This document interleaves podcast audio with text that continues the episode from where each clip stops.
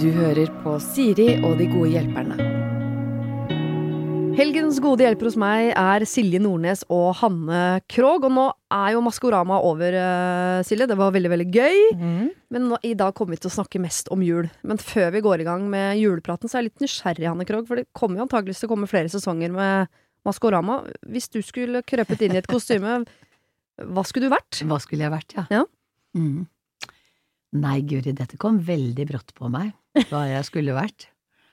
Um, man, får man bestemme litt selv? sånn, en liten sånn russisk babusjka, kanskje? Ja! Russisk babusjka, da vet vi det neste år. Hvis det kommer en russisk babusjka, så har jeg en ganske greit hunch på hvem som er inni. Jeg tror det hadde jeg passet inn i. Men ok, over på jul. Du, eh, Hanne Krogh, er jo jul for veldig mange, men eh, hva er jul for deg? Ja, Jul for meg har jo i alle år vært å lage jul for alle andre, egentlig. Ja. Dette er første året på over 30 år, jeg tror faktisk 34 år, at jeg ikke er på juleturné. Jeg har vært hver eneste jul, har jeg vært én måned på veien. Det vil si at dette er den første julen der datteren min faktisk får se moren sin i advent. Ja. For jeg har jo holdt på med juleturneer siden før hun ble født. Er det deilig, eller savner du det litt? Altså, jeg trodde jeg skulle synes det var fryktelig vemodig. Det trodde jeg. Men jeg har hatt et så fantastisk morsomt show på Edderkoppen i hele høst, som er Altså, det har vært som å gå i champagneparty hver eneste kveld jeg har vært sammen med dem. Ja. Jeg, har, jeg kan ikke huske sist jeg har vært, hatt det så morsomt, altså. Det, det har bare vært sånn stor, stor, stor glede, og det har ikke vært noe sånn konsert som folk tror. Det har vært fullt show og fart og fire beste sangerne og danserne i landet, liksom, og fire glitrende Ja, dette kan jeg snakke lenge om. Men jeg trodde jeg skulle Det eneste jeg syns er litt rart, er når musikerne mine plutselig er ute på veien med helt andre sangerinner. Ja. Da føler jeg meg litt inn i en sånn derre Maria Mena-sang. I don't wanna see you with her. ja, jeg skulle til å spørre, jeg blir litt sjalu, rett og slett. Ja. Ja, jeg skal en følelse skal- Maria har mye av, tror jeg. Ja, nei, men jeg skal ha to julekonserter, da, fordi at jeg kunne liksom ikke la det helt gå unna. Sånn ordentlige julekonserter. Det er en i Oslo, i Ris kirke, hvor jeg tilhører, og en i Haugesund, i Vår Frelser. Så det, det tror jeg kommer til å bli Det tror jeg kommer til å bli veldig gøy. Og du, Silje, hva skal til for at julestemninga legger seg over deg? Oi. Um, nei, altså jeg jobber jo egentlig ganske aktivt. uh, altså jeg har blitt voksen uh, Jeg er blitt 37 år, så jeg er jo voksen per, per deff. Uh, nei, så jeg har jobba egentlig ganske aktivt sånn hele adventa med å lage stemning, da. Mm. Um, satt opp juletreet til første søndag i advent, sånn lite. Ja. Um, og så har jeg sett på adventskalender Altså alt som Altså jeg ser på barne-TV, liksom. Alene. Uh, tar en klementin og en liten sjokoladebit, og så liksom Kattepusen i fanget. og- Kattepusen i ja. fanget. Så, og, og, og ja, så jobber litt sånn Tar litt sånn aktive valg da for å få stemning. Og så, men så er det jo det å reise hjem til familien min eh, på Hamarøy, da. Det er liksom da Da kommer virkelig stemninga. Ja. Så eh, eh, Der er det vel hvit jul, vil jeg tro. Nei, Stort sett. det er jo ved kysten, ikke sant? Ja, så det det, er det er litt sånn uh, uforutsigbart. Ja. I fjor var det helt forferdelig. Snøs Det var vinterstorm. Ja. Men uh, da håper jeg at det blir en litt sånn annenhver-aktig greie, med at uh, i år blir det fint, da. Og hvit jul. Og jeg- syns jo det lyset som er i nord på vinteren Alle sier jo sånn her, ja, men det er jo bare helt mørkt. Nei, det er ikke det. Og det er blått. Det er blått. Hvis det er fint vær, så er det fire timer på formiddagen med bare det mest fantastiske lys. Mm. Det er liksom blått og rosa, oransje. Eh, Det er som å være i en fire timer lang solnedgang, liksom. Eh, Og hvis det da er hvitt i tillegg, uff, det er helt magisk. Kan jeg invitere deg hjem til meg og lage julestemning hjemme hos meg? For jeg kan jo ikke det, da, vet du, etter alle disse årene her. Ja, Kan jeg gjøre det? selvfølgelig kan du det. Men er det ikke deilig å se på julefilmer? Jo! Er ikke det deilig? Alle filmene ender godt. Du er helt sikker på at det ender godt. Før Ja, Der har man jo hver sin favoritt. Kan godt ta en runde på det. Favoritt julefilm, eh, Silje? Men må jeg jo svare 'Reisen til julestjernen'. ja. Når er sett her. Okay, og på andreplass. På en god andreplass. Oi, men vet du hva, eh, og det syns jeg er litt vanskelig. Men jeg, altså, jeg har jo sett på eh, julekalenderne, men jeg har også gått aktivt til verks. Jeg Mhm. ser alle julefilmene på Netflix. Ja, og, og jo dårligere det ser ut, Jo, Ja. da skal jeg i hvert fall Ja, se det. enig. Og for jeg er jo også litt sånn eh, at jeg blir emosjonelt veldig revet med av ting jeg ser på TV. Mm -hmm. uh, og det er derfor det er så trygt å se på julefilmer. Fordi du vet at det går bra til slutt. Ja. Uh, så det er, noe, det er alltid noe sånn, eh, noen som skal late som de er kjærester, eller altså det, Og så blir de alltid Jeg frelst. syns ofte det starter med at en eller annen er død, og så går det bra. Litt som Disney. Det er, en eller annen, det er en mor eller far som har gått bort, og så er det synd på barna, og så treffer de nissen, og så blir det bra til slutt. Ja, ikke sant. Og det elsker jeg. Men jeg syns det er vanskelig å velge en eh, favoritt, liksom. Eh, jeg tror jeg må si 'Reise til julestjerne'. Hanne Anne Krogh, hva tenker Nei, altså, du? Jeg har jo ikke hatt tid til å se Nei, jo, nei, altså jeg, um, jeg Jeg vet ikke. Jeg har tenkt å få meg en ny en nå denne julen her. Oh, ja. For sønnen min hadde, og jeg har aldri sett den, sønnen min hadde for første gang sett It's a Wonderful Life, den gamle fra 40-tallet med James Stewart, som visstnok skulle være helt fantastisk, og jeg stoler veldig på hans vurderinger. Ja. Og så så jeg en ny julefilm nå som var sånn som en julefilm skal være, og det var den eh, menneskeliggjorte utgaven av den tegnefilmen, vet dere, med Carl Bertil Jonssons julaften. Ja, den den der, ja. den nå- Nei, den heter Sagaen om Carl Bertil Jonssons Ja, den går på kino, gjør den ikke det? Ja, for den, det har jo vært tegnefilm som har vært vist på Sverige hvert år, og nå går den på kino. Den er nettopp kommet nå. Og vi var fire voksne mennesker som var og så den på Frogner kino. Og vi gikk ut, og selv min 205-høye eh, pianist som så ut som ingenting liksom kan gå inn på han, så han sa å, dette var en stor dag. så den er virkelig nydelig. Du blir litt bedre menneske. Er ikke det som er meningen med alle julefilmene, at vi skal være litt bedre mennesker? Jo, så skru på liksom optimismen og håpet og Ja, Gleden. altså Og det kan dere om- trenge nå i den neste halvannen timen som kommer. Vi skal snakke mye om jul, men Ja. det er kanskje optimisme vi trenger for å, å gå inn i det. For det er jo ting også som er vanskelig i, eh, i julen. Vi kan jo Ikke bare minst i julen. Ikke minst i julen. Kan jo bare eh, begynne med spørsmål én her, som har overskriften 'Når min fetter tar etter sin fulle far'. Her står det. Hei, Siri og dine gode hjelpere. I år som alle år før samles storfamilien på andre juledag. Det er stort sett ganske hyggelig det, bortsett fra at onkelen min alltid blir litt for full. Nå har sønnen hans, som er på min alder, altså ca. 34, begynt å ta etter sin far. Og vi har et godt forhold, og tidligere har vi alltid ledd av faren hans som blir så drita, og jeg lurer på om jeg skal fortelle han at han er i ferd med å bli som sin far. mm. Det er, et, det er et stort spørsmål. Ja. Ja, det her Eh. tror jeg mange kan kjenne seg igjen i. Eh, Mm. At det alltid er noen som er litt sånn for glad i det, i det våte. Ja. Og ofte jo, en onkel, føler jeg. Ja, jeg er jo litt sånn at eh, så lenge ingen liksom eh, blir sånn sint og begynner å slamre med dørene og, og sånn, så er det egentlig helt så er det, Har ikke jeg noe problem med at uh, noen blir berusa, og til og med overstadig berusa, så lenge de holder humøret oppe. Ja, det som er vanskelig er Eh, når folk endrer personlighet ja, det er og begynner å skape Og hvis det er små barn til stede, som er uh, Ja. Da er det jo altså- ofte litt vanskelig. Uforutsigbare voksne er jo noe av det verste barn kan utsettes for, men jeg Mm. tror hvis jeg skulle ha gitt noe råd til eh, han som ikke vet om han skal snakke med fetteren sin eller ikke, så ville jeg vel begynne å snakke om tidligere juler, og prøve å få han til å huske hvordan han egentlig følte det når faren hans drakk altfor mye. Ja. Istedenfor å gå løs på han, begynne å snakke om hva skal man gjøre for at det ikke skal skje eh, overfor våre barn, eller våre etterkommere, eller de, barn, de barna som er med i våre julefester.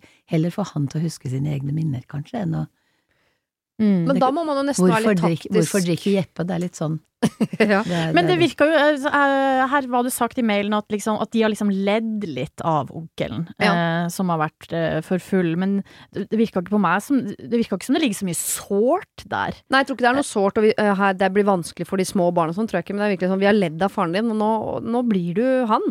Ja. Vil du bli ledd av? Hvis det er muntert, så går det jo an å si det. Ja. Hvis det er tungt og sårt, så har nok det vært enda verre for han som var sønnen til onkelen, enn en det det har vært for alle de andre. Det kan hende han har opplevd det helt annerledes. Men desto da viktigere å si fra om at nå er du i ferd med å bli sånn som faren din. Husk hvordan du følte deg når han var så drita på disse julefestene i gamle dager. Mm. Ja, jeg syns det. Men er det Jeg syns man man gjør det av Jeg syns man har plikt til å si fra når man ser at folk er på vei utfor stupet. at, Og kanskje eh, Jeg bare lurer på om man skal gjøre det i dette juleselskapet, eller om Nei. man skal gjøre det litt i forkant? Nei, jeg tror det er best å gjøre det Ja. i forkant. Ja. Eh, og så tror jeg liksom at det er lurt å eh, legge opp samtalen sånn at det ikke blir sånn gravalvorlig, eller ikke noe sånn 'nå skal jeg ta opp noe veldig problematisk med deg'. Men eh, og, og siden det, så det virker som at de tidligere har hatt liksom en sånn litt spøkefull tone rundt det. Mm. Behold liksom den samme tonen. Eh, inn i det. Mm. Og det er jo liksom Det er jo enkelte ting som er vanskelig å snakke med, med, med venner og familie om, og det kan være sånn Det er mat, Mm. eh, og det er også sånn om du drikker for mye, eller hva, hvem du er kjæreste med eller ikke. Altså det er noen sånne derre Det er noe eh, Det er sånn litt mi, minefelt, liksom. Ja. Men det går fint an å snakke om det så lenge Det er liksom viktig at eh, den som har sendt inn mailen, ikke blir noen sånn overformynder, på en måte. Mm. Fordi det har jo vedkommende ingen rett til å være. Så det er jo Eh. mer kanskje bare å liksom bevisstgjøre på sånn hei, eh, det her har du sagt før. Ja, men- Ser du liksom, har, har du Det er Hva skjedde i fjor, liksom? Du sovna med hodet i eh, rødkålen, liksom. Det var jo litt pinlig. Det er derfor jeg syns det er viktig at han begynner å snakke om den, det felles, eh, felleserfaringen de begge hadde fra de var yngre. Mm. Jeg, jeg har altså, når jeg fleiper og sier at jeg har ikke så mye forhold til jul, så er det jo fordi at jeg har hatt mennesker i veldig nær familie som har eh, ødelagt så utrolig mange juler.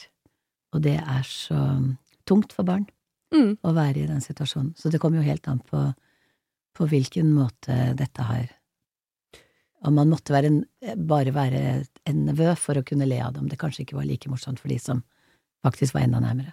Enig, det er litt todelt dette. For hvis dette bare utelukkende har vært sånn morsom ha-ha, alle ler av den Ja, ja. fulle onkelen, så fortsett i den sjargongen og le litt nå sønnen sånn, nå er du i ferd med å bli faren din, Knut, eller hva Mm. han nå enn måtte hete. Men hvis det har vært sårt og vanskelig, noen som har opplevd disse dagene her som at man gruer seg til jul på grunn av han som blir full, så tenker jeg her må vi inn og si fra. Gjerne i forkant. Eh, og gjøre oppmerksom på at nå er du for, på vei utfor den kanten som, som faren din gikk utfor for mange år siden, som du ikke likte. Så det er litt todelt. Og jeg er veldig tilhenger av Det kan jo hende at det kommer flere sånne mm, situasjoner eller problemer utover her nå. eh, Men jeg, altså jeg er jo veldig til, altså tilhenger av å eh, snakke om ting. Ja. Og si fra eller ta opp ting. Og at eh, jeg tror grunnen til at, at et sånn, sånn her program um, trengs, er jo at det er så mange som syns at det er vanskelig. Mm. Og det er ikke noe rart, det. Det er vanskelig. Men det er på en måte sånn men noen ganger er det vanskelig. Men det er så Og så må man gjøre vanskelige ting. Men det er så balansegang, det der med at nå skal vi snakke ut. For du kan snakke deg inn i problemer også, ikke bare ut av problemer. Det er jo akkurat det å finne balansen mellom humor og, og alvor, fordi at det, jeg, vi har jo sett det i mange relasjoner, og jeg er den eldste av oss her, at folk virkelig har snakket seg inn i dype, dype, dype problemer også. Så det er en innmari balansegang, det der. Ja. Men man må vite hvorfor man eventuelt ikke snakker om det. For hvis det er fordi man sender kjenner på eget ubehag, det gruer jeg meg til, men man vet at verden blir Mm. lysere på andre siden, så må man jo gjøre det. Men hvis man har lyst til å si det bare fordi man har lyst til å røre litt i grøten og lage et helvete for folk, så bør man jo gå en runde rundt huset Ja, først, la kanskje. Ja, da lar man det være. Men lykke til i hvert fall med den samtalen der. Vi skal ta en liten pause fra jul, men det kan nok hende at dette problemet ikke blir noe bedre i jula, når mange skal være sammen osv. Dere skjønner hva jeg mener når jeg leser problemet. Jeg er altså så forelsket, jeg holder på å dø. Han sier at han er like forelsket i meg, så hva er problemet? Jo, han er sønnen til mammas kjæreste. De er 65, og vi er nesten 40, så det er ikke noe problem nødvendigvis, men det blir jo litt rart. Ingen av oss har barn, og vi har eh, et godt forhold til våre foreldre begge to, eh, men de vet jo foreløpig ingenting. Jeg gruer meg likevel mest til hva folk kommer til å si. Hva tror dere? Kan man se forbi dette? Hilsen kjærlighetssyke Ingvild. Ja, men altså, det er veldig mye ting som går i arv, da. Jeg mener advokater for advokatbarn, og skuespillere for skuespillerbarn, og det er ikke så rart om de da har samme smak med som foreldrene. Det var flaks ikke falt for mora og faren, eller ja. Men øh, jeg er jo enig at dette isolert sett ikke er For de er ikke oppvokst sammen, så de har ikke det derre søsken Det er ikke som å bli forelska i broren sin, som det ville ha føltes ut som hvis eh, de foreldrene ble sammen når de var små. Mm. Men de er jo på, på I jula, for eksempel, da, så vil jo mamma og pappa være der. Da blir man jo litt Man er jo stesøsken. Ja, men det tenker jeg sånn, det, er, det, får, det får stå sin prøve, liksom. For at de er ikke søsken. Eh, så det, det, det, det, det tenker jeg da, i hvert fall. Jeg syns, jeg syns det høres helt vidunderlig ut. Jeg syns også det høres helt Ja. fantastisk Jeg blir så varm i hjertet av å høre denne historien her. De er kjempeforelska i hverandre. Hva, det kan jo ikke, hva kan være bedre enn det? Hva, hva betyr det hva folk mener? Tenker vi ikke for mye på hva folk mener? Jo, men det er det hvis man ikke klarer å tenke bor, Hvis man ikke klarer å legge bort at man tenker på hva folk mener, og du skal begynne å grue deg på, til å gå på Kiwi for du tenker at de i kassa sier sånn 'Er det du som er sammen med broren din?' Så er det, og da blir jo livet litt slitsomt. Det er klart det blir slitsomt, men det, da det Jeg vet ikke hva man eh, det, må det må man legge bort. Ja. Eller sånn, fordi det er jo en, det å bli forelska i noen, og at følelsene er gjengjeldt, er jo en gave. Ja. Det er jo det. Eh, og det å skulle legge det bort på grunn av noe så trivielt, og det mener jeg virkelig, som hva folk tenker. Mm. Eh, det, altså det, det er jo sånn som kan håne dem for alltid, liksom. At den, der glapp den kjærligheten fordi vi var så redd for hva folk skulle tenke. Mm. Det mm, Ja, nei. Og Det her høres ut som et filmplott. Ja, det høres, ut det høres ut som en julefilm. Hjem til jul! En ordentlig julefilm. Nei, men altså, jeg, jeg tror jo også dette her med at et eller annet sted underveis så ble kjærlighetsbegrepet liksom snudd på hodet. Mm. Fordi det har vært det i alle år at eh, hvis jeg er glad i deg, Silje, så sier konvensjonen at du skal være takknemlig fordi jeg er glad i deg. Men det er jo helt, helt motsatt. For vi fødes jo helt uten kjærlighet. Og hvis jeg er glad i deg, så har jo du fylt meg med kjærlighet. Det er jeg som skal være takknemlig. Så jeg syns at disse to unge menneskene de skal være så takknemlige for at de har truffet noen som fyller dem med kjærlighet, Mm. og som til og med ikke noen andre kan bli sjalu på. Altså moren og faren deres sa jo også hverandre, og alle vil jo bare være glade. Mm. Og skal se at hvis de bare, hvis folk ler av dem, så le tilbake og si ja, dette her er så lykkelig. Mhm. Ja. Og så er det jo litt viktig, eh, for jeg tenker jo med en gang eh, Og jeg mener jo at man ikke skal tenke så mye på det i kjærligheten, da, at det kan gå galt. Fordi det kan det alltid gjøre. Mm. det vet man. Eh, Og da er det jo litt viktig at når det er sånn her altså det, De sier jo at man So don't shit where you eat, liksom. Og det her er jo på en måte selve eh, det gjør, det gjør de jo her. Ja. Hvis de velger å gå inn i et forhold med hverandre og vise det til hele verden og sånn. Og hvis det da skulle legge til å gå dårlig, Mm. Så blir Da er det jo problemer som ligger i fremover i tid. Altså sånn der eh, med at de skal møtes, og foreldrene deres er sammen, og så blir det sånn lojalitet, hvem er på lag med hvem, eh, og alt det der. Men igjen, da, altså, med optimismen i hånd, så mener jeg at det er at eh, med liksom åpen kommunikasjon og, og ja, ærlighet, og også litt sånn eh, Jeg vet ikke hva man skal kalle det, liksom. eh, har ha litt galgenhumor oppi det hele. Eller Ja, at de eh, fire må kunne le det. Sånn her sitter vi fire stykker og bare ramla ned kjærlighetsgryta med begge beina, Ja, hele gjengen, liksom. det krever litt ekstra av begge de her to, og det syns jeg de, hvis de velger å gå for hverandre, også skal snakke om Altså skal ha en åpen dialog om at de skal være på lag uansett hva som skjer. Ja. Eh, og det er mulig. Jeg er venn med alle mine ekser. Det er Mm. fullt mulig. Beste, beste vennskapene du har, det. Det er akkurat det. Ja. Eh, men man må ta et valg, liksom Mm. på at man ikke skal la La, la oss si at det, hvis, det, hvis en velger å ikke være med deg, så kan man velge å gå i full liksom sinne, bitterhet, full og clinch, og det er lov, det, men ei stund. Men så etterpå så må man tenke det er din fulle rett å si det, du vil ikke være med meg. Men vi hadde det fint sammen, og da øh, Og de, jo, her må de det, fordi de er faktisk i familie, da. Ja. Og det vil de alltid være så lenge foreldrene holder sammen. Men de burde kanskje reise bort en stund, eh, et litt, på en liten ferie i hvert fall, når det er mulig å bare teste om de virkelig Er liv laga, ja? er liv laga, ja. Ja, Skal de teste det skikkelig før de involverer foreldrene sine? For det er ikke vits å dra foreldrene hennes inn i dette her. Nei, det er det jeg mener, at de burde reise bort først. Så jula nå, da må de eh, kline på Ja, men tenk så spennende. For en jul! Å, fy søren. Jeg som mamma kysser nissen var jo Så blir det redd opp til dem på hvert sitt rom, og det å fære og snike på natterstid der, er det er jo det mest Jeg er helt spennende dette. som Dette er virkelig en sånn Netflix-film som du ville ha sett Ja, nå er vi faktisk inne i min favoritt-julefilm, som jeg ikke rakk å, å si i stad. Men min favoritt-julefilm er jo da Family Stone. Eh, Mm, som handler om nettopp dette. En gjeng som samles i jula, hvor det viser seg at hun ene blir mer forelska i broren til han hun kom med i utgangspunktet. Oh God, og det er, jo det er en fantastisk julefilm. Undervurdert herfra til månen. Family Stone. Hvor, Men- hvor ligger den? Nei, det vet jeg ikke. Det er med Sarah Jessica Parker og, og oh. Ja, det er en morsom film. Jo, den har jeg sett! Den Ja, ja, jo da, jo, den er morsom. Ok, jeg har notert den ned. Se den Ja. så fort som mulig. Ok, vi tror dette her eh, Dere skal være takknemlige begge to. Ingvild, du og han du er forelsket i, og som er forelsket i deg. Hold det hemmelig nå i jula, men det er mest en gave fra oss til eh, dere. Herregud, tenk for en koselig jul. Dere å snike seg inn på hverandres rom osv. Og, så og hvis det er liv laga, så må dere bare uh, si det. Altså, det, man må elske det. Ja, Ja. man må det, faktisk. Ok, her et litt lengre problem. Kjære Siri og dine hjelpere. Jeg er en kvinne i slutten av 20-årene som har et problem jeg har hatt med meg lenge. Jeg føler meg veldig ofte som en som ikke strekker til. At ting jeg får til, og alle suksesser jeg har, bare er flaks. Og at alt jeg får av skryt og ros, er ufortjent. Jeg får en skikkelig uggen følelse i magen, og føler alltid at når folk sier 'bra jobba' etter endt arbeidsdag, så skjønner de ikke at jeg bare virrer rundt her og later som om jeg veit hva jeg holder på med. Og det er ikke bare jobb, selvfølgelig. Om noen sier at jeg er en god venn, tenker jeg bare på alle motargumentene jeg har mot at det stemmer.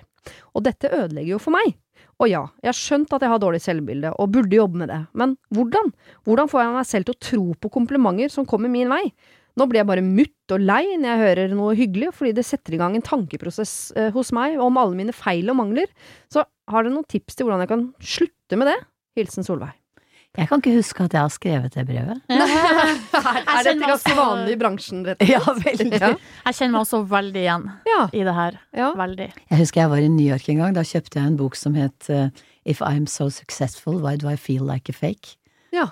Hva, hva er det heter, da? Det har et, et, er sånn eget imposter, sånn Ja, imposter syndrome, ja. Og det Ja. er jo eh, Det kan jeg bare si, selv om det ikke alltid hjelper eh, å, å få vite at eh, man er mange i samme båt og sånn, men det her er veldig vanlig Ja. eh, å gå og kjenne på i en eller annen grad. Nå virker det som at eh, hun her har det litt ekstra, da, Mm. eh, og sier sjøl at hun eh, burde jobbe med seg sjøl. Det er en kjempebra start. Og bare, bare det å tenke det, Bare det at hun har satt seg ned og skrevet det her brevet hit, er eh, et skritt eh, Mm. på veien for å jobbe med seg sjøl.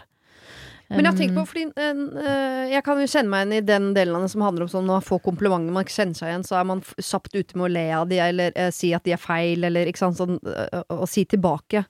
Kan det være en grei øvelse å bare slutte med det først? At man, man kan tenke hva man vil, man sier takk, så ikke man i hvert fall hører sine egne tanker høyt i forhold til jeg flink? Nei, slutt opp, jeg aner ikke hva jeg driver med, jeg virrer bare rundt her. Det er flaks, hele greia. Ja, Lag den regelen eh, for deg sjøl. Ja. si takk. Mm. Ikke si sånn der eh, Det er typisk sånn her 'Å, så fin kjole du har'. eh, 'Å, den har lomme'. Eller Ja. at man liksom sier sånne dumme, dumme ting, liksom. Den var på salg, eller? Ja. ja. Hæ, den dumme kjolen her? Mm. Den er grei, den. også. Men um, Det er, si det, er jo, det er jo også for oss å Det er jo også fordi man er redd for fremtidige skuffelser. Ikke sant? Det er, for å, det er også for å verge seg mot den sorgen at man kanskje skal måtte innse, osv. Mm. Jeg, jeg skrev jo en, en norsk tekst på Maria Menas All This Time på, på Hver gang vi møtes nå i vinter. Mm. Hvor jeg prøvde å skrive til en ung kvinne, da, fra en voksen kvinne, som, som het Alt du har. Alt du har, alt det som du er og var, har du fortsatt i deg, så ikke tenk for mye. Hysj. Og det er akkurat det vi gjennomtenker og overtenker og grubler, og av og til så er det så veldig viktig å bare tenke når du må tenke. Altså, dette her er ikke noe hun behøver å ta stilling til. Hvis hun, hva er det, Karsten Isaksen sa noe veldig fint, han sa det, det selvopptatte mennesket står utenfor seg selv og ser på seg selv. Mm. Hvis, du, hvis du tar bolig inni deg selv og prøver å se utover i verden, så, så, så, se, så ser du ikke så mye på er jeg god nok, er jeg det. Bare gå ut, gjør så godt du kan. Altså, dette høres ut virkelig som en sånn derre dårlig klisjé å si det, men det er jo sånn det er. Mm. Altså, slutt å tenke så mye på det, Dette også handler om det som det handlet om i stad. Hva mener andre om meg? Mm. Altså, slutt med det. Slutt å tenke på hva andre mener om deg. Men har du klart å slutte med? Synes jeg begge dere sa med en gang sånn Å, Ja, ja. kjenner meg, er det jeg som har skrevet dette? Tenker hvis man Ja. har prøvd å slutte med det i et uh, fullvoksent liv, Ja, så det høres jo veldig- ikke ut som man får det til, da. Jeg har eh, noen teknikker da, som Ja. jeg har lært meg. For jeg, også, altså, jeg har eh, oppsøkt hjelp på grunn av eh, akkurat sånn her type Mm. problematikk.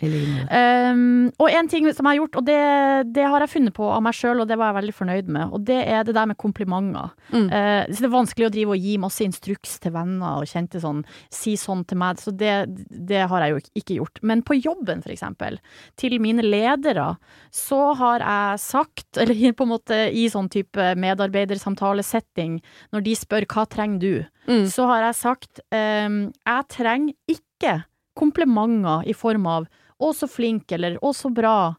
Det jeg trenger, er å høre hvorfor. Mm. Hva var det som var bra? Hva var det du likte? Når du gjør sånn, så Ja. er det bra, fordi da Ja. også, ja. Fordi når, man, når folk bare sier sånn 'å, så bra', så da tror jeg ikke på det. Rett og slett. Nei. på en måte. Nei. Så, eh, så bare sånn helt konkret tilbakemelding til i hvert fall de i profesjonelle sammenhenger da, som jeg har eh, forholdt meg til. Men er det bare fordi du ikke tror på det, eller er det også noe med at du føler at det er vanskelig å svare på det? For jeg, sånn, hvis jeg får et kompliment, så føler jeg at jeg må svare noe. Og hvis det er sånn 'du er flink', så blir det sånn Hva skal man Det, det finnes ikke et det litt svar sånn på det. Hva Ja. skal jeg svare på det? Ja, det høres jo helt rart ut. Nei, kan man jo ikke si. Og da blir det sånn Ja, den har lommer. Da, man går jo dit. ja. Tusen takk, jeg jobber med veldig flinke folk. Eller man Ja. får liksom lyst til å Ja, nei, så, ja, så det, det er i hvert fall en konkret ting. Og så Veldig fint det der med at folk må konkretisere hva det er, det er de sier. Ja, for det hjelper. Mm. Det hjelper veldig. Og det hjelper jo komplimentet bare til, i forelskelse også, istedenfor å si sånn «Øh, 'du er deilig'. Eller si sånn 'jeg liker at du er så til stede i samtalene våre'. Jo, men altså, du er flink, det føler jeg ofte som sånn derre er litt overfra og ned. Ja, litt ovenfra. jeg syns det er litt ovenfra og ned. Det er liksom nei, men lille venn, så flink du var da. Åh, jeg Altså- prøver ikke å si det til barna mine, men det er vanskelig å finne øh, Nå var du god til å tegne, sier jeg istedenfor. Da tenker jeg sånn, du sier jo akkurat det samme og bytta ut det ene ordet. Gratulerer med det. Det er vanskelig. Jo, men det er eh, Men en, et annet, og det her er et virkemiddel jeg har lært av en psykolog, da, som, jeg, eh, som hun presenterte, så tenkte jeg sånn mm, ok, eh, for det høres litt teit ut da, men da var det sånn Fordi det er det her at hodet går i Hjernen vår går i de samme banene som de alltid har gått i. Mm. Uh, du kan se, det, se på det som en back, liksom. Mange små bekker renner, og hos enkelte av oss så renner de på en måte rett ned i selvkritikk. Rett, det er på en måte det vanlige.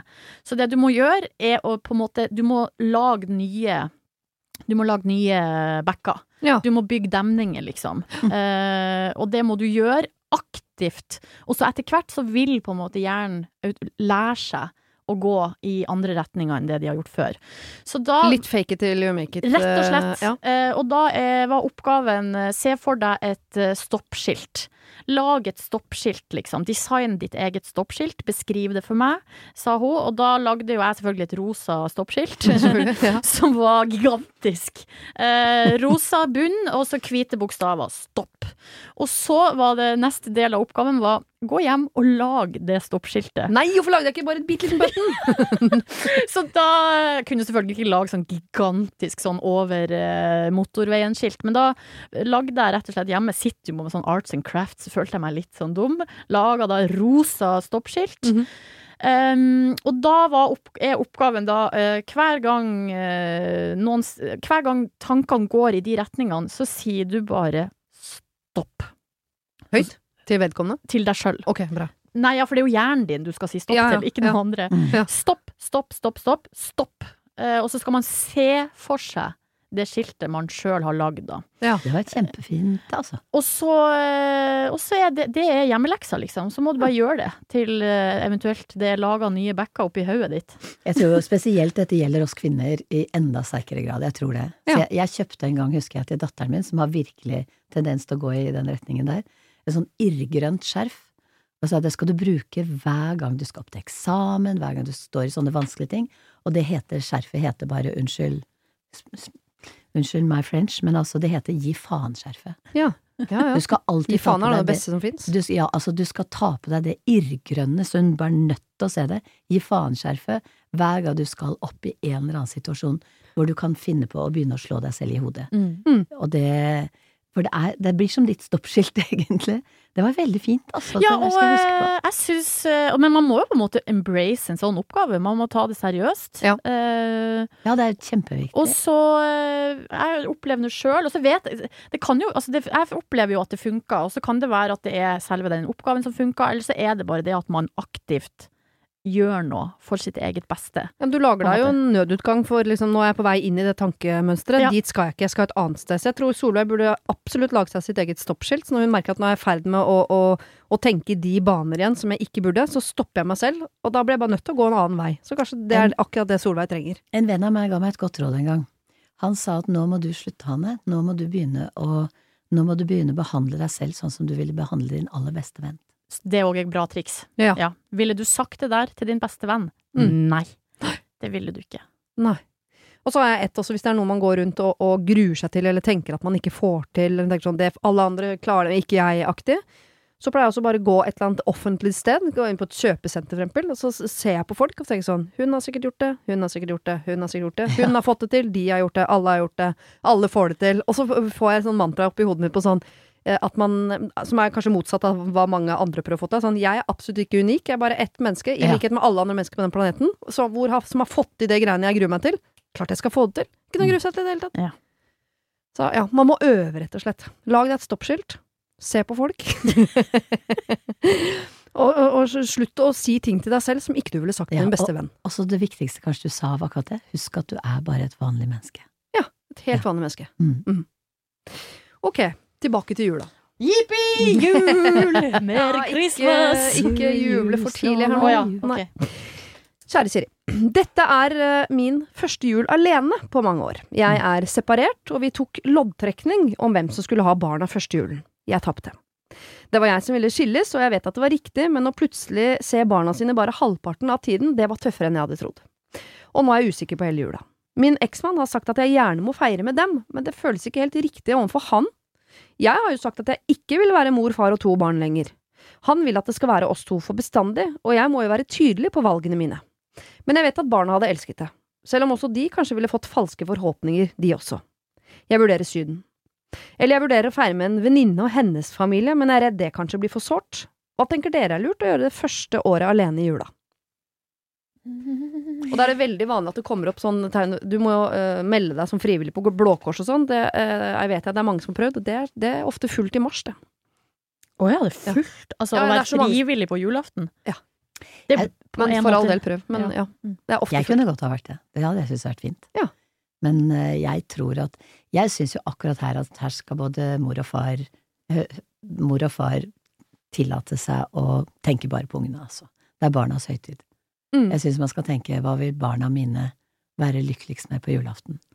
Og så er man voksne mennesker, og man har bodd sammen i mange år, og man kjenner hverandre, og så lenge man er ganske klar på hvordan det står, så syns jeg faktisk at man skal tenke at eh, enn så lenge dette er første julen barna ikke skal De allerede måttet venne seg til at ikke foreldrene er der sånn samtidig i hverdagen, Mm. så syns jeg de skal få lov å ha en julaften hvor de skal få slippe å lengte til den ene av dem, og hjelpe dem i hvert fall over i denne perioden her at det kan Selvfølgelig, fordi de har nok de har måttet forholde seg til, kanskje de må flytte annenhver uke og alt dette her. Mm. Jeg syns at akkurat julaften kan få lov å være et fristed hvor de kan se at verden går videre, og dette som Silje sa i stad med at man at hun er bestevenn med eksene sine, det er faktisk mulig å bli. Kanskje det er en, en mulig sted hvor de kan starte og se om de i hvert fall kan snakke sammen.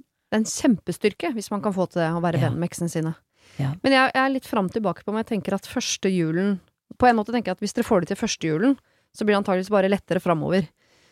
Eh, og det er første julen barna trenger en overgang til å føle at noen ting er som før. Samtidig tenker at kanskje første julen er det året hvor man skal på en måte uh, markere overfor seg selv at nå har jeg tatt dette valget, med både de positive sidene det har, og de negative sidene det har. Og hvis hun føler på allerede nå at hun ved å være der på julaften gir forhåpninger til både eksmann og barn om at ja da, nei, pappa og mamma er ikke sammen lenger, men vi er jo på en måte litt sammen allike. At man kan forkludre Det kommer, forkludre? det kommer vel an på hvordan man eh, kommuniserer. Mm. Ja. Uh, nå, jeg har ikke barn sjøl, men jeg husker jo godt fra min egen oppvekst at uh, noen ganger så syns jeg kanskje de voksne ikke uh, Altså på en måte undervurderte barna litt. eh, Ja. På hva man For det første hva man forstår, hva man får med seg, og hva man liksom kan bli eh, inkludert i. Mm. Fordi at eh, ungene får det med seg uansett, så man kan like gjerne si det. Eh, og da tenker jeg at det er viktig her at de to som går, har gått ifra hverandre, er klinkende klar med hverandre på hvor liksom landet ligger. Mm. Eh, og at eh, man også kan kommunisere det på, til ungene uten at det er noe sånn kjempehardt, liksom. Eh, men at det der med å være sammen i jula er tror det, det der med det, vil, det tror jeg vil gjøre overgangen lettere, da. At Ja. ungene kan se at foreldrene er, er venner, at de ikke må velge side, og at det er en slags normalitet oppi en unntakstilstand. Ja, jeg, jeg er så enig. Altså, jeg tror at det viktigste for de barna er å se at foreldrene faktisk fremdeles kan snakke sammen, og at det ikke er farlig at de har gått fra hverandre. Mm. Jeg har fraskilte foreldre selv, um, og de fortsatte å være venner, på tross av at faren min giftet seg like etter at de var skilt. Um, men, eh, men altså, det å se at, at det ikke er At det at folk har gått hverandre, ikke trenger å være farlig, så Mm. de faktisk kan snakke sammen selv om de ikke bor sammen. Det er jo fryktelig mye viktigere enn om han akkurat den dagen begynner å få tilbake et håp. Jeg, og, og akkurat i år spesielt, for barna har opplevd så mye ensomhet i år. Dette Mm. har vært et helt annet år enn noen andre år. Og barna jeg hørte Jeg gikk akkurat, unnskyld, dette er en digresjon, men jeg gikk forbi to barn på gaten i forgårs, hvorav den, de må ha vært sånn åtte-ni år gammel, så roper en jente til en gutt Ses på skolen i morgen, da! Hvis du er frisk! Eller Nei, hvis jeg er frisk!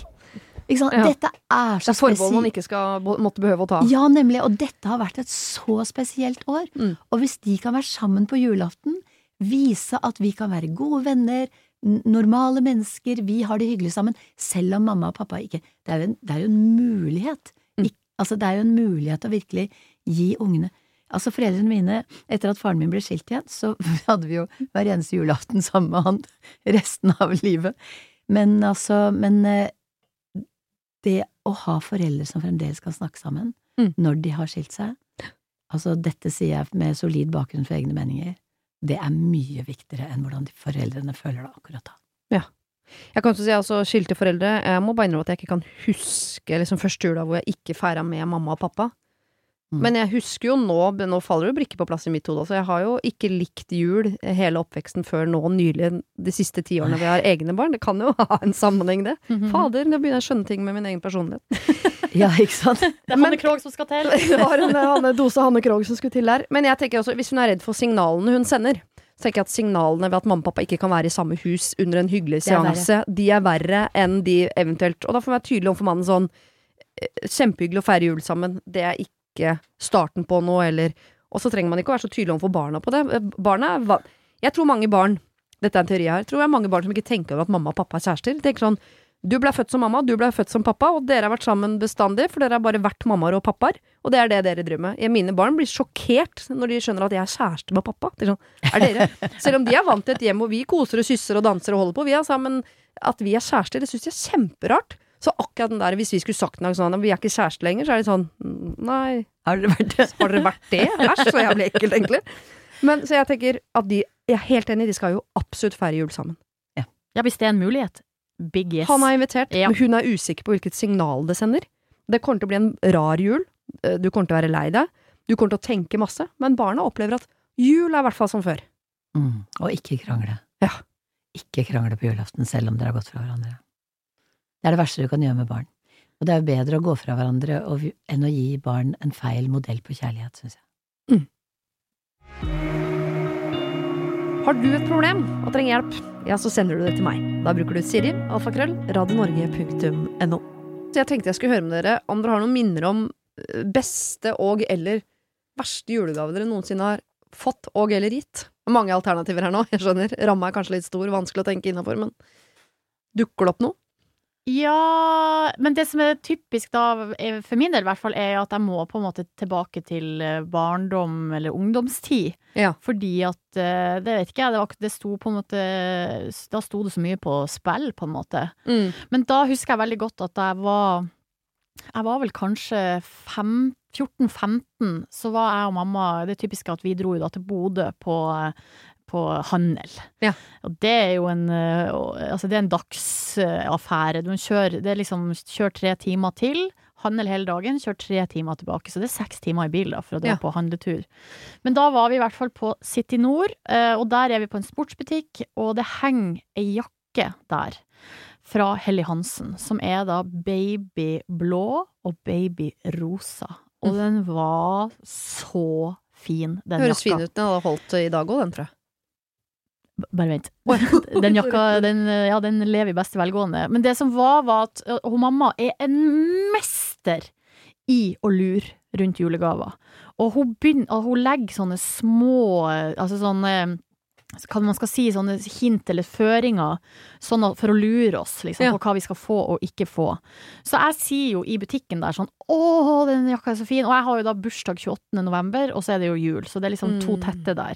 Det er muligheter for å få gode gaver i den- tida. Mm. Og så sier hun, så er hun bare sånn Ja, den var fin, men øh, Og så så på prisen. Mm, ja, den er ganske kostbar.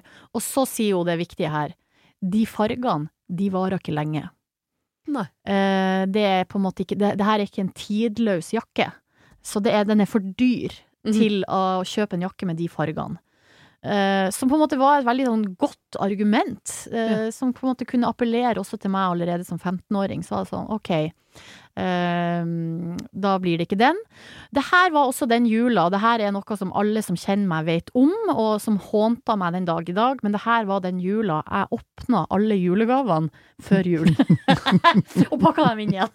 Da du var 15?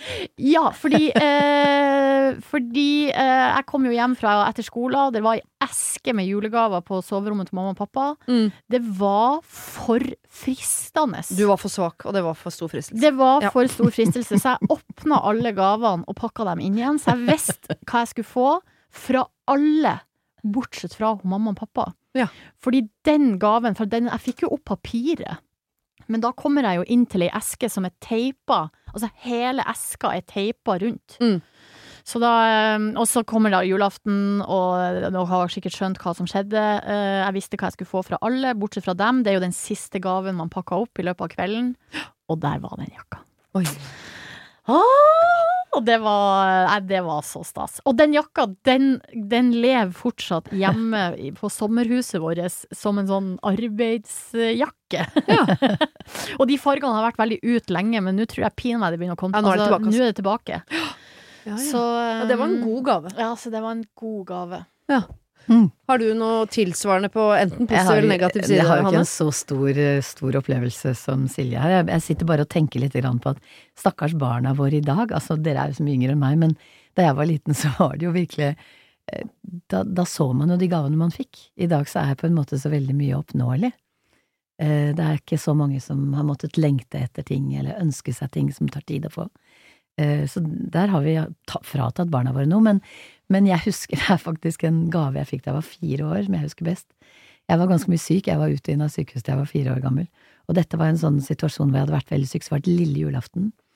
Foreldrene mine, det var siste året, ja, det var siste året foreldrene mine var, det var før jeg, de skulle gå fra hverandre, liksom. Så jeg hadde fremdeles både en far og en mor i huset.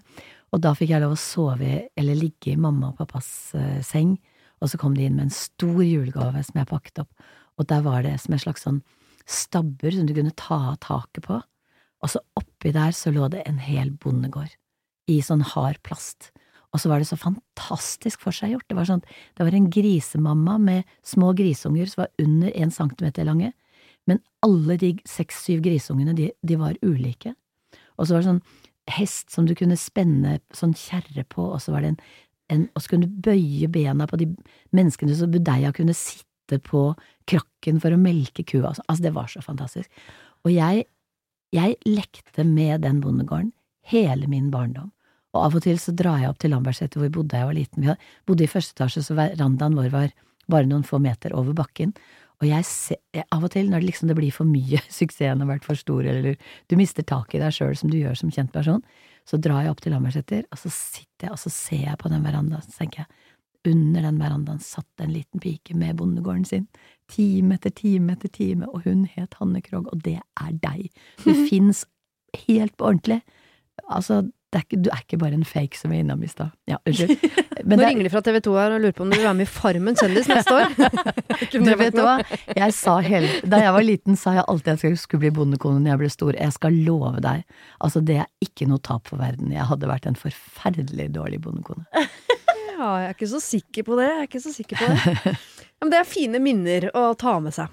Vi skal eh, over til et problem her fra en som heter eh, Erna. Eh, hun kaller seg for Erna, i hvert fall. Jeg trodde ingen andre enn selveste Erna het Erna, men det er tydeligvis et navn. Min kjære gamle mor har nylig blitt 80 år, og hun er sprek fortsatt. Hun bor alene og er av typen som liker å klare seg selv. Så langt er det lite vi har trengt eller egentlig fått lov til å hjelpe henne med. Hun elsker sin selvstendighet og sin frihet. I dette ligger det at hun liker å komme seg rundt også på egen hånd, til og fra hytta, til og fra bridgen, butikken, legen osv. Vi får aldri lov å hente eller bringe henne, bortsett fra den ene perioden hvor hun hadde knekt håndleddet på høyresida og ikke kunne gire. Oi. Det hender hun har med seg barnebarna i bilen. De er nå 10 og 14 år, og her om dagen kom de hjem og fortalte at mormor kjørte så rart. Hun kjørte sakte og midt i veien og så ikke rødt lys og så videre. Og jeg vet at hun var sliten den dagen, eh, hun hadde ikke sovet så godt, men samtidig, hun er 80. Kanskje hun ikke burde kjøre bil? Men kan jeg ta fra henne denne friheten? Det vil være som å vingeklippe henne. Samtidig, jeg vet jo ikke om jeg vil at mine barn skal sitte på med henne heller. Så hva skal jeg gjøre her? Kall med Erna. For et dilemma. Ai, ai, ai. For et dilemma. Det kommer litt an på hvor Erna bor. Ja, er det Fordi sånn hvis det, hun er den eneste som bor her, så går det greit.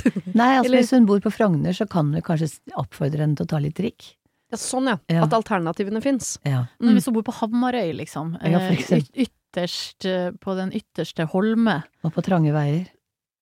Ja, men det er jo ikke så mange biler der. Nei, nei. Nei, men det går jo Det er vel barn som går til og fra skolen der òg, og selv om ikke de sitter inne i bilen hennes, så befinner de seg jo i samme område som hun som ikke ser lenger, skal drive og kjøre bil, da.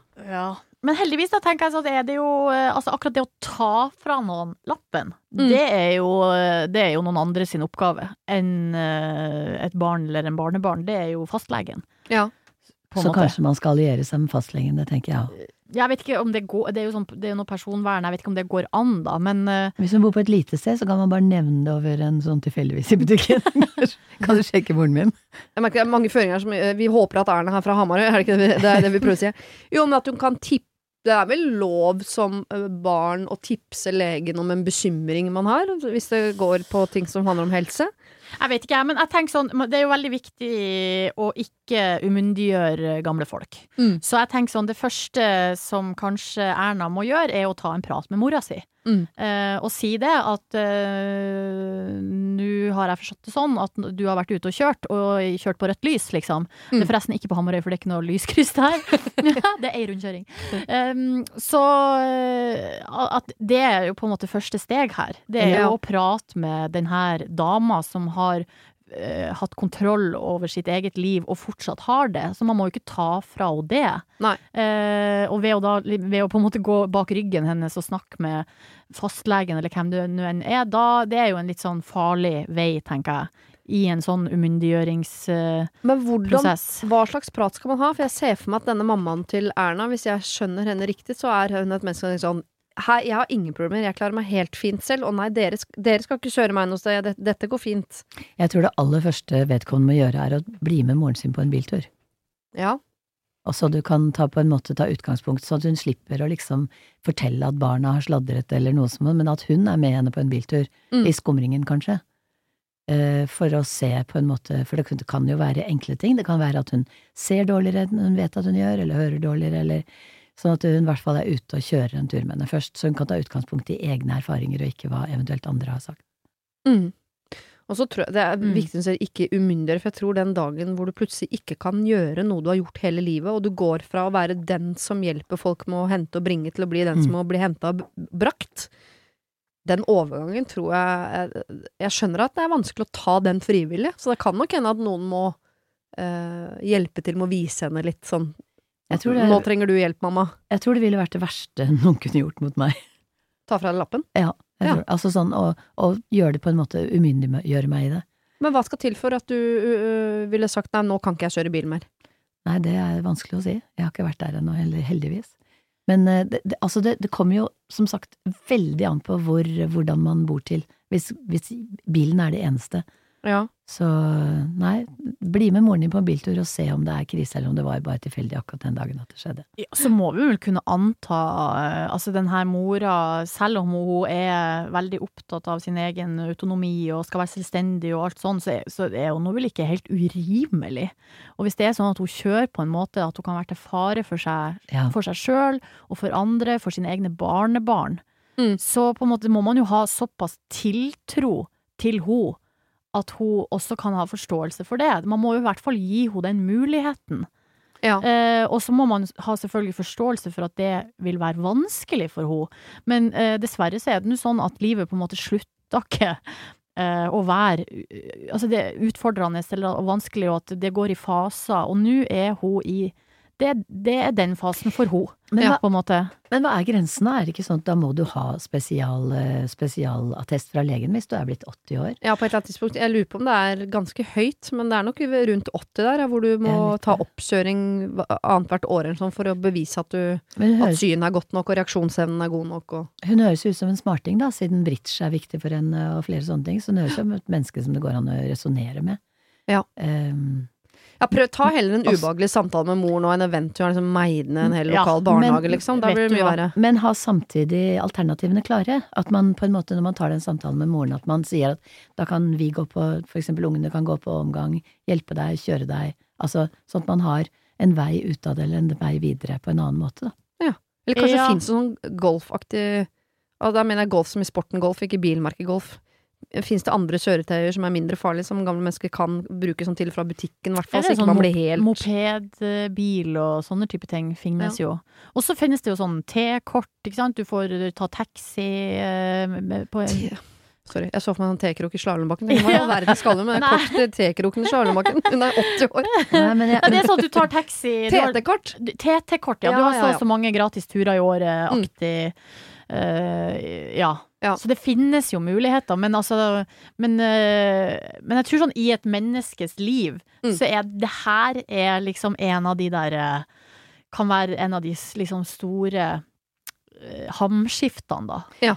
men, Oi, der ble, der ble jeg gammel, på en måte, ja. men så Mm. fint at hun innser at hun er nødt til å snakke med moren sin om det, fordi at hun risikerer Hun risikerer så utrolig mye. Altså det Fryktelig hvis det skjer noe med henne eller med barna hennes der, og forferdelig hvis det skulle skje at hun gjør noe mot andre. Sett deg, eh, Kjør en kjøretur med moren din eh, hvis du tør. Eh, Snakk med henne nå selv om det er ubehagelig, for det kan bli så fryktelig mye verre, er vel det vi ender opp med å si her.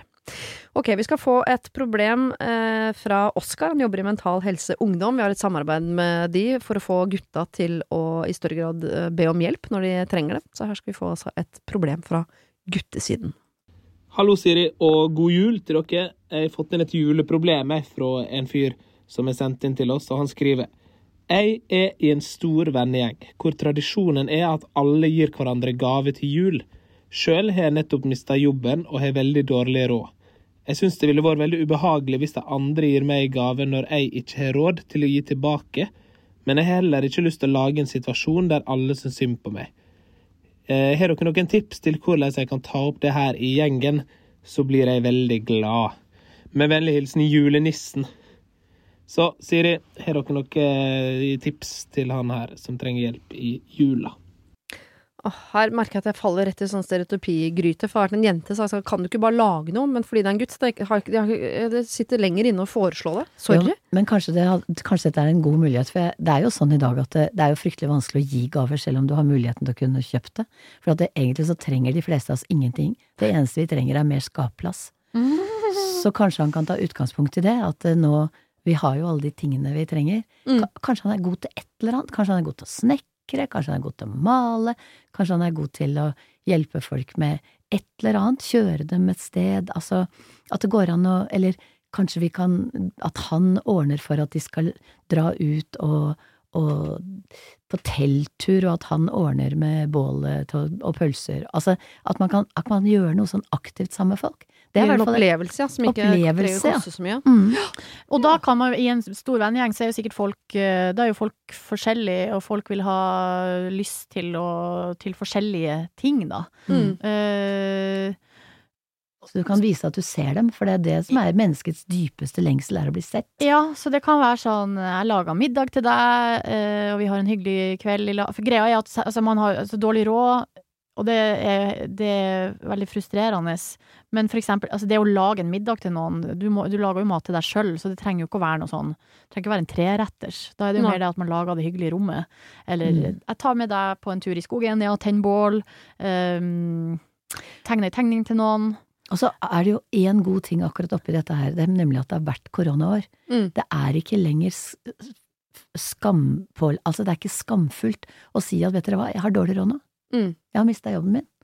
Altså, og det er kanskje godt for, for vennegjengen også, rett og slett få vite det.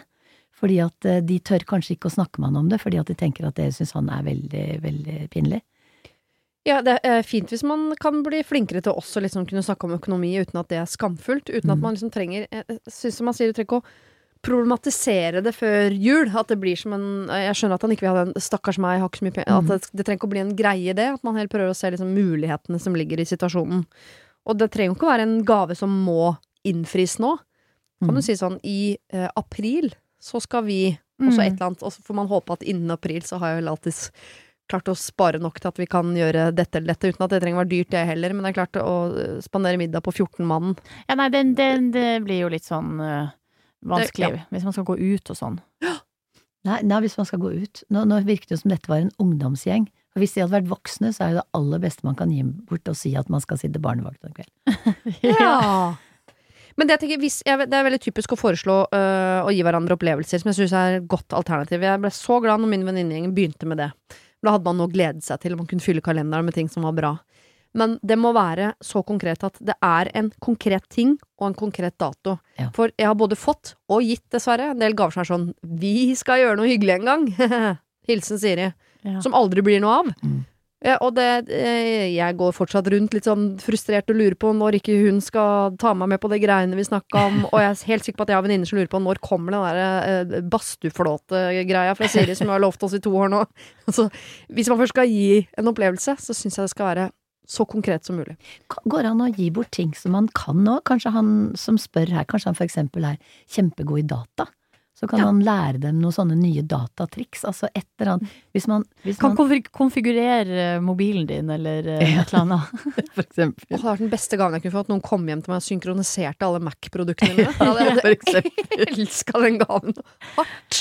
Men jeg må bare si, jeg har liksom lyst til å utfordre julenissen bitte litt på det der å snakke med vennene sine. Eh, og jeg skjønner veldig godt den her følelsen av at man ikke ønsker at vennene skal uh, synes synd på deg, liksom. Mm. Men um, jeg tror også liksom man prøver å tenke at uh, uh, altså livet uh, her, De er venner, vi får håpe at de er venner lenge. Og det innebærer at alle de her i gjengen vil ha sine perioder der noe er vanskelig. Mm. Og da kan kanskje julenissen pr- prøve å sette seg i Prøve å snu om på det.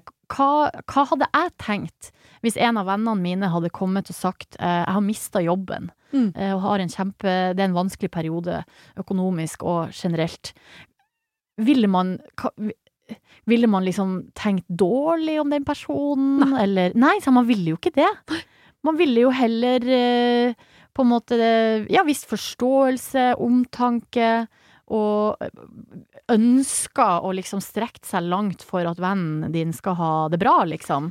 Og julenissen her virker som den perfekte kandidat i vendingen til å være førstemann ut til å være han som snakker om vanskelige ting i vendingen, for han er jo førstemann til å eh, eh, bedt om hjelp i utgangspunktet. Ikke Han virker sant? som en eh, bra fyr til å gjøre akkurat det. Mm. Så kanskje han skal snakke med vennegjengen sin. Så kanskje resten av vennegjengen også tør å si hva de syns er vanskelig. Det er akkurat det, for at alle har sitt, liksom. Og om de ikke de har det nå, så Sorry to say it, men det kommer. Ja, ja. eh, på en måte, fordi livet går i bølger. Og, og så går det også an å si, når man snakker med vennene sine um, Det er ikke noe synd på meg. Dere, altså, det er noe med å også liksom beholde sin eh, Verdighet. verdighet, liksom. Og at Mm. det å miste jobben og ha det vanskelig økonomisk akkurat nå, sier jo ikke noe generelt om julenissen, at, det er på, at han er et dårlig menneske, eller at han Åh, nå bare Og man trenger faktisk ikke å si det, for jeg mener at det er noen som sier at det er feigt å ikke tørre å si ting ansikt til ansikt. Jeg syns noen ganger man kan vel så gjerne formulere ting, for eksempel i et brev, eller på et julekort. Så hvis man kan gi et julekort til vennene sine, legge ved en liten sånn salt karamell eller noe, som folk liker, eller en eh, sjokolade med lakrismak, som jo er veldig trendy nå. Og skrive om at dette året her har vært litt utfordrende, jeg har mista jobben osv., men den dagen jeg får meg ny jobb, så skal vi ha en svær guttemiddag hjemme hos meg, hvor jeg står for all mat og drikke, for da skal vi det blir min julegave og min feiring av at jeg er tilbake på beina. Mm. Og vi, bru- altså i min, eh, vi har sånn uh, chat-tråd med liksom venninnegjengen fra studietida. Og den, der liksom skjer det jo alt mulig. Det kan være sånn helt uh, utrolig trivielle ting og bilder og hva man gjør og alt mulig sånn. Mm. Og så med jevne mellomrom så kommer de der lange. Hjertesukkene. Ja, og Mm. de er Og, det, uh, og jeg i hvert fall har brukt det for å på en måte slippe å ta den samtalen igjen og igjen og igjen. For eksempel når det har vært brudd, da, eller Mm. noe annet er vanskelig. Så er det bare Da er jeg på en måte det som en slags pressemelding. Her kommer Nå har det her skjedd i Ja. mitt liv. Uh, så, bare, så vet dere alle det. Og så kan man også skrive Men det går bra med meg. Eh, Det er Mm. ikke noe Det går bra. Mm. Men jeg har bare lyst til at dere skal vite det, som er mine nærmeste venner. Og det er en veldig Så er det bare Og, og, og jeg sier ikke at det er lett, Men det er lettere Mm. enn å ta de der eh, ansikt til ansikt i en sånn prosess. Du blir aldri ferdig med å liksom komme ut, holdt på å si. Og det er ikke alltid man har veldig behov for å snakke heller, Nei. få råd, at Nei, folk nei, skal nei. høre. Og, man har bare lyst, jeg vil bare si, melde fra om Ja. dette. Det går bra, jeg kom gjennom det på egen hånd, men dette er situasjonen. Mm. Ja. Statusrapport. Julenissen gjør det. Dette, det jeg syns dette Ja. er en god anledning til å øve på disse tingene som du kommer til å få brukt for. Enten ved at du får bruk for det flere ganger, eller at du får brukt for det for å være mottaker når en av de andre gutta i gjengen får tilsvarende problemer. Mm. Og så går det an å finne på noe hyggelig sammen etter jul som ikke trenger å være så kostbart. Mm. For eksempel en middag. Tegne en tegning. Jeg er godt forslag, Silje, men jeg, Jeg kjenner mange gutter som er kjempeflinke å tegne. Ja, men da tenker jeg at du må være det. Hvis eh, min mann et år har det litt vanskelig, så er jeg veldig veldig glad i mannen min. Hvis det ligger en tegning han har tegna under juletreet, da, da vil jeg heller ha en sånn 'vi skal spise middag om et år', faktisk. Altså Hvis mannen min hadde tegnet en tegning til meg, da hadde det vært det mest romantiske han noen gang kunne gjort. Det hadde vært mer humoristisk enn romantisk hjemme hos oss. Hvis mannen min hadde jeg, ja, det, er det, det er bare humor bak de tegningene der. Oi, oi, oi. Til og med barna ler av han og han tegner. Ja. Eh, her er et nytt problem. Jeg har et problem som har meldt seg nå når det nærmer seg jul. Eh, du og dine hjelpere snakker av og til om særlighetsspråk, og mitt er definitivt gaver. Og ikke Oi. bare hvilke som helst gaver, men skikkelig gjennomtenkte gaver. Og da gjelder det både når jeg gir, og når jeg får. Det trenger absolutt ikke være dyre ting. Men til jul vil jeg helst gi noe som du nevnte i en bisetning i august, at hadde vært fint å ha. Og selv om eh, det er en eh, lytter som er veldig aktivt, aktiv lytter, dette her. Og selv om det er få uh, gaver, er mitt uh, kjærlighetsspråk uh, Selv om det å få gaver er mitt kjærlighetsspråk, så skal det litt til for at det treffer. Men når det treffer, så blir jeg altså så varm og glad. Men nå til jul har jeg to små problemer knyttet til dette. Det første handler om gavene jeg skal gi. De siste månedene har jeg vært fullt opptatt med fulltidsjobb og studier på siden, og det har vært færre møtepunkter med mine nærmeste. Derfor har jeg ikke i år en liste over ting jeg tenker at hadde vært hyggelig å gi. Og da sliter jeg jo selvfølgelig med å komme på noe gjennomtenkt og fint å gi. Jeg får ofte høre at jeg er god på å gi gaver, og det elsker jeg at mine nære tenker om meg. Men det legger jo et enormt press da, på den forestående høytiden. Hvordan skal jeg komme på nøye gjennomtenkte gaver til venner og familie når tidsklemma har tatt meg? Eller hvordan skal jeg jekke ned egne og andres forventninger? Det andre noe mindre problemet er at jeg jo blir sjeldent veldig glad for gaver jeg får på julaften.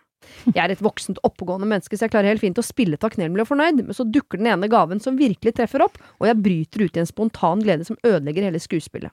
Mm. Hvordan spiller en egentlig skikkelig glad for ullsokker man får for fjerde år på rad? Hilsen Grinchen, som egentlig bare vil redde jula. En god blanding av eh, raus og samtidig no, kanskje ikke motsatt, Kravstor. men noe annet. Ja, ja. Ja, så Det viktigste er jo at man tenker på å, å tenke på hvert menneske, hva de, ikke på hva man gjerne skulle gi dem, men hva de gjerne skulle få. ja. Altså for som jeg sa i stad, det er det å bli sett som er det aller største for alle mennesker. Men hvordan klarer man det når man ikke har sett de rent fysisk på lenge? Oi. Altså det, Hvem gir man gaver? Det er jo mennesker man kjenner godt som man gir gaver til. Mm. Eh, så man må jo Man kan jo se folk uten å se dem fysisk. Eh, det er eh, ja, Det er jo vanskelig det der, for jeg, jeg prøvde å si det til mannen min en gang, for han er sånn utrolig raus med gaver. Mm. Men jeg sier at jeg er jo ikke noe verken jeg, jeg er ikke noe opptatt av smykker, og ikke, sølv og krystall er liksom ikke noe for meg. Nei. Så, så, så jeg sa kan du, ikke, kan du ikke gi meg noe som du vet at jeg har lyst på? Jeg husker han kom hjem fra OL i Seoul, og da hadde han kjøpt en diktbok med, som var oversatt til engelsk med koreanske dikt. Ja. Og jeg har aldri følt meg mer sett, og det er faktisk noe av det jeg har blitt aller mest glad for fra for jeg følte at han bryr seg så lite om koreanske dikt oversatt til engelsk, men han hadde skjønt at det var noe som traff meg. Så det er akkurat det, altså, det at du faktisk tenker hva er det dette mennesket egentlig liker? Ja. Ikke sant? Og det handler jo ikke om hvor dyrt det noe er. Nei. Og i hvert fall ikke i vår tid. Det handler jo nettopp om dette Wow, han ser meg faktisk. Hun Men du skal være ganske god for å få til det der, for jeg må jo si at noen skiller seg jo veldig ut. Jeg tenker sånn åh, dette er perfekt til deg, Silje, ikke sant, kunne jeg tenkt. Men så er det jo en stor gjeng der med folk som er på en måte bare små variasjoner av hverandre, hvor jeg syns det er vanskelig at det liksom utkrystalliserer seg noe sånn wow, oversatt japansk dikt. japansk gikt er ikke så deilig å få til jul. Det er ikke, det er ikke alle jeg syns er like lett å liksom se noe sånn Men hva var egentlig spørsmålet hennes? Ja, hva, Hvordan hun skulle, skulle hva skal hun gi til vennene sine i år, som hun ikke har sett til noe særlig? Og hun har, hun har lagt lista veldig veldig høyt for gaver. Men da Hun har jo gitt oversatt det japanske dikt hun, sant, til vennene sine, Mm. og nå i år føler hun at hun får det til. Hva skal hun da gjøre? Skal hun jekke liksom forventningene ned, eller skal hun Nei, jeg, eller, jeg tror hun må gå tilbake i arkivet. Og så eh, se hva er det hun har gitt til dem før. Eh, og så ikke, ikke åpen, åpen Har du sånt arkiv? Ja, ja. Å, guri meg. I Ja, eller- Excel, Nei, men jeg har på mobilen min. Oh, ja. uh, og så har jeg gans, ganske god husk på litt sånn randome ting. Ja. Som for eksempel det, da. Mm. Uh, så det er jo noe med å liksom og som vi også har vært inne på, hun kjenner de her folkene godt. Mm. Så det er jo da og det er litt sånn resonneringsarbeid. Hva er det jeg har gitt før? Hva er det som har truffet? Kan vi finne noe som er liksom i litt sånn samme leia, samme på en måte familie, sånn produktmessig? Eh, og sånn, så da hvis du har en venn som du vet er veldig glad i poesi, eh, så kanskje ikke du skal ikke til Soul det her året her, men kanskje det er noe, noe annet type Noe nytt. En poesibok som eh, det er masse snakk om. Hvis du har en venn som liker å lage mat, så er det noe et kjøkkenredskap eller en dritgod olivenolje eller Altså, det er noe med å liksom Og så tror jeg Ja, hun har lagt lista høyt, men, men man, man blir jo også man, Eller jeg vet ikke med dere, men jeg blir jo bare veldig glad av å få gaver, punktum. Ja. På en måte. Mm. Ja, det gjør Altså, ikke hun her, da.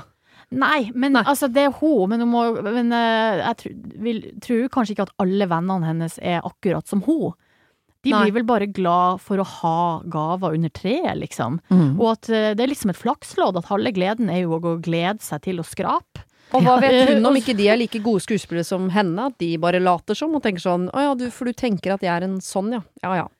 Ja, men hvor Kan hende hun har bomma i kan- Hvor ille kan det på en måte gå?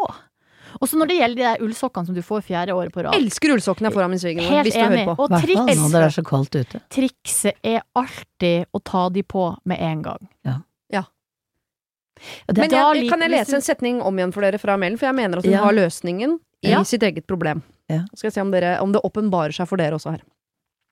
De siste månedene har jeg vært fullt opptatt med fulltidsjobb og studier på siden, og det har blitt færre møtepunkter med mine nærmeste. Hva skal jeg gi? Egentlig så kan vi tenke møtepunkt! Ja, nei, altså, men det er jo akkurat det som jul, julenissen Vi sa til julenissen Ja. i stad, at det var med å invitere alle vennene dine til en ordentlig, et ordentlig selskap hjemme hos deg. Om det så bare er eh, godt, godt forslag fra meg, syns jeg. Ta oss og Finne ut en som har noe virkelig interessant å fortelle. En foredragsholder eller en bra artist eller et eller annet sånt. Mm. Og så inviterer du vennene dine hjem. Hjem til deg. En sånn liten sånn eksklusiv liten situasjon. Eh, hvor du lager suppe, og folk kan ta med seg noe å drikke selv. Mm. Og så byr du på den opplevelsen hjemme i din egen stue.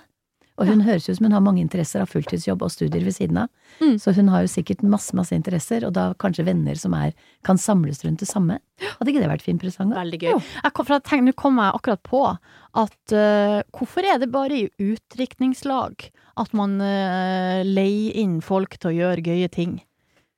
For eksempel sånn ei venninne hadde utdrikningslag, så kom det en sånn dame fra Vinmonopolet og kjørte noe sånn heftig Og lærte å sablere og sånn. Ja. konkurranse og Perfekt julegave. Hvorfor skal man kunne gjøre det i utdrikningslag? Det er jo så gøy. Ja. Brura altså, hun lå jo lå kasta opp på badet halv sju på kvelden. Det var Ja. megasuksess. Jeg har veldig forhold, forhold til sånt å få lære seg nye ting, da, men det er kanskje fordi jeg begynner å bli så voksen. Men jeg hadde veldig lenge lyst til å lage sånn istedenfor syklubb, liksom. Mm. At vi skulle ha en sånn venninneklubb hvor vi lærte ting hver uke. Eller en gang i liksom. uka. Mm. Nei, en, kanskje en gang så hadde man over to dager Hvordan var det egentlig med startstup igjen, ikke sant? Å bare få fresha opp hvordan er det å stupe, for det glemmer man etter hvert. man går. Ja. Ja, jeg vil gjerne Stupekurs. Et- Stupekurs! Ja, også, ja, for eksempel stupekurs. Og så liksom de av oss som liksom ikke er kommet helt i gang med strikkingen. Skal vi ta et lite strikkekurs? Altså sånne ting. Ja. Det er jo så gøy å lære nye ting. Og det syns jeg kunne vært eh, fin. Og da får du liksom samla alle vennene, og da kan du bruke litt flere penger òg, for ellers måtte du brukt mye penger på hver og en av dem, liksom. Ja. Mm. Skal, vi, skal vi lage en sånn klubb, eller? Ja. Vi skal lage klubb, ja. ja. Og jeg vil hilse til Grinchen fra en annen Grinch. Eh, eh, det, det er dette du skal gi. Du skal gi en opplevelse. Du skal gi av tiden din til vennene dine. Og så skal du senke forventninger generelt. Og for å, eh, til det mindre problemet som jeg skriver på slutten her, som jeg mener er et større problem, om at hun sjelden blir glad for gaver hun får, som jeg mener er et reelt problem. Altså, der, må du ta deg sammen, Grinchen, fra en Grinch til en annen. Jeg også det var vanskelig noen år, så jeg, jeg slutta å gi en del gaver. Og da slutter man også å få en del gaver. Og tenkte sånn, samme det, hvor mange badekuler trenger jeg egentlig? Jeg kan kjøpe min egen badekule. Så at jeg har grinsja meg inn i grinsjekroken min i mange år. Til jeg så at alle de andre drev og, bytta øh, badekuler og, og, og duftlys. Og så satt jeg i byen sånn he-he, hva skal du med det, liksom? Og så merket jeg etter hvert at sånn, herregud, så koselig. Det handler jo om den oppmerksomheten. Minne på på julaften sånn, jeg er glad i deg, det har jeg vært hele det året her, og kommer til å være neste år også. Og det eh, formaterer jeg nå i et duftlys under treet. Det kunne vært hva som helst, det kunne vært en harelabb, hva veit jeg. Og da eh, måtte jeg som Grinch krype ut av Grinchehjørnet mitt og si sånn beklager at jeg har vært et rassmenneske i to år nå. Det er klart vi skal utveksle duftlys på julaften! Så nå eh, vanker det duftlys på alle, både til og fra. Jeg elsker duftlys. Det er utrolig dyrt. Så jeg blir veldig glad for duftlys. Ja, Jeg håper jo min datter nå kjøper duftlys til meg hvert år fra Nille. Og jeg blir genuint glad for det hvert år, for det lukter altså så godt. Kanskje, ja, men nå har du kanskje gitt eh, forslaget til henne. Hun kan kjøpe duftlys til alle sine venninner. Ja, slutt å grinsje. Du må slutte å grinsje. Man blir bare sur av det. Grinchen er sur. Det er hele poenget med Grinchen. Du må slutte å være Grinch. Mm. Ja. Ok. Privat lite tips på Jeg vet ikke om jeg snakket til meg selv der, eller hva jeg drev med, men ja. Vi skal ta et siste problem. Eh, her står det. Sære Siri og de gode hjelperne. Jeg har vært sammen med min samboer i seks år, og vi har ett barn sammen. Jeg anser meg selv som eh, venn med min samboers venner, og tenker også på han som venn av mine venner. Spesielt siden vi er fra samme sted alle sammen, og jeg har kjent til flere av hans venner også før vi møttes og ble kjærester. Samboeren min er en del år eldre enn meg, så hans venner har tidlig begynt å gifte seg, i hvert fall tidligere enn mine venner har. Hittil har det vært to av hans venner som har forlovet seg. Jeg synes dette er veldig koselig, og jeg har gleda meg til å få gå i bryllup, noe jeg aldri har vært i tidligere. Problemet er bare at jeg blir ikke invitert. Samboeren min, han blir invitert, men med tydelig beskjed om at dette er ikke noe pluss én. Og det sårer meg faktisk. Disse vennene har mer enn nok penger, så det er ikke det det står på. Jeg trodde det var ganske vanlig å invitere hele paret uansett når man har vært sammen såpass lenge. Men grunnen til at jeg synes dette er kjipt, er fordi jeg trodde jeg var mer enn bare dama til kompisen. Jeg trodde vi var venner nå. Jeg synes det hele er vanskelig. Skal jeg late som ingenting og la det gå for andre gang? Første gangen latet jeg som ingenting, men nå kjenner jeg at jeg er litt lei av det. Hva med når, eller om vi skal gifte oss en dag, da? Skal jeg la være å invitere hele paret, fordi vi tydeligvis ikke er venner med hverandres kjærester? Jeg vet ikke hvordan jeg skal håndtere den situasjonen, jeg, i det hele tatt. Samboeren min mener de ikke har invitert kjærester fordi det blir så mange. Uansett hvordan man vrir på det, så kjenner jeg på en skuffelse av å ikke bli tenkt på som en venn. Kun dama til en venn. En liten del av meg blir så skuffet, sur og såret at jeg har lyst til å be samboeren min om å ikke dra i bryllup. Men kan jeg det, da? Takk for hjelp, kall meg hva du vil. Nei, det kan du ikke.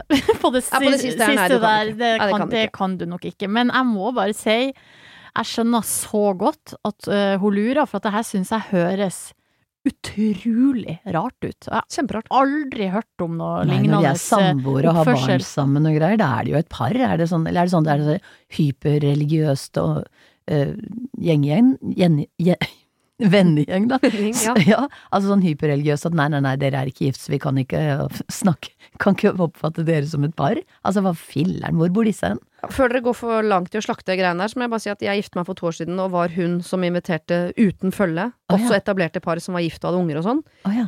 Men da var det jo eh, rett og slett fordi jeg ikke tålte fjeset på enkelte. Og jeg var ikke interessert i å gifte meg med vedkommende til stede, så jeg bare håper ikke det er det som er casen her. Nei, det Og da virka jo ikke da var vi jo ikke felles er venner. det Da som er bare 'din mann'. jeg- det sa jeg aldri, da. Jeg har sagt det i ettertid. Men det virka jo egentlig ikke sånn, fordi det er en liten bisetning helt på slutten der, at det virka som at hun er ikke den eneste pluss én som ikke har blitt invitert. Mm. Står det ikke det? Nei, tror ikke det. Jo, var det ikke noe eh, Altså at, at de her parene har invitert flere der de ikke har invitert Nei, det er andre gang det skjer for henne, for det har vært to bryllup, og dette er ah, ja. bryllup nummer to. Og forrige gang lot hun som ingenting, men det klarer hun ikke lenger. Å ja. Ja, men det, hun må jo se på situasjonen. Det er som du sier, at kanskje det er, kanskje det er økonomiske hensyn. Kanskje det er at det er veldig langt borte, at de tenker at to stykker vil koste Altså, det kan jo være så, så man ikke Det er veldig viktig å ikke sette seg selv i en offersituasjon. Og se Mm. på seg selv som et offer, for det vil bare ødelegge livet ditt. Mm. Altså, snakk med kjæresten din og si at uh, syns du det er gøy å gå i det selskapet uten meg, og du er glad i dette, det, denne personen, så gå du, vennen min. Ja. Eh, fordi at i det øyeblikket hun setter seg i et offer og kanskje lager et veldig stort problem av det, så, så, så, er, så kan det jo kanskje være at hun eier problemet selv også. Men da tror jeg ikke jeg ville brukt setningen 'hvis du syns det er gøy å gå dit uten meg, så gjør du det', for det høres ut som hun er på jakt etter et svar her. Ja, okay. ja. Nei, jeg, ja, nei, jeg tenkte ikke sånn, men eh, Men var det, fordi hun, Første gangen så latet hun som ingenting. Uh, og så er hun usikker på om hun skal late som ingenting denne gangen. Og det er jo et stort spørsmål. Men skal man late som ingenting når det er jo noen ting? Ja, hun er såret, bare- lei seg. Hun tro, trodde de var venner. Og det er jo, jeg ville jo blitt utrolig lei meg hvis ikke jeg ble invitert til et bryllup når jeg anså oss som venner. Ja, eh, samme her. Men eh, det er noe med eh, Jeg vet liksom ikke helt hvordan man skulle tatt den der praten uten å eh, på en måte kom veldig dårlig ut av det, på et eller annet vis. Eller sånn Altså, det kommer jo helt an på hvilken type man er, da, men at uh, hun åpenbart har jo allerede tatt seg nær av det. Så Ja. derfor så er det vanskelig å ta det opp på en sånn lystig sånn ha-ha, håper dere får det gøy. Uff, ja, alt virker som stikk. Det der også hørtes ja, ut som stikk. ja, det er det Ja. som er det Og greia er at det blir stikk fordi hun bryr seg. Ja. Uh, og da så jeg, så jeg lurer på om nesten liksom, den eneste måten å gjøre det på, er liksom the, the high road, liksom. Ja, det er jo late som Ja. ingenting, da. Ja, eller, eller at man kan Å, faen, nei, Men så hvor vanskelig. skal hun ta high road? For jeg må bare si Jeg vil bare det er legge å to invitere dem. Hvis, Ja, det må hun gjøre. Hvis hun skal gifte seg, så inviter alle. Ja. De to ballene legger vi døde. Du kan ikke si at han ikke får gå. Og når dere gifter dere, så inviterer dere alle hvis det er dere. Det, det skal ikke bruke bryllupet ditt som hevn. Men Det skal altså, det ikke være. men altså det, det som er det vesentlige punktet her, er er hun den eneste? Det står jo eh, at samboerne hennes mener at de ikke har invitert kjærester fordi det blir for mange. Ja, ikke sant? Det er jo key information. Ja, så hvis det er sånn at ingen i mitt, Det må jeg bare presisere i mitt bryllup. Ingen var invitert med kjæreste. Det var Nei. ikke den ene eller den andre eller Det var Ingen var invitert med kjæreste. Eh, og da, da har man jo tatt et valg som antageligvis handler om ikke bare økonomi, men sånn Vi vil ikke at det skal være 200 stykker. Det blir upersonlig. Vi vil at det skal være 50. Mm. Mm. Og det tenker jeg det må man bare respektere. Ja, det er det viktigste Mm. her.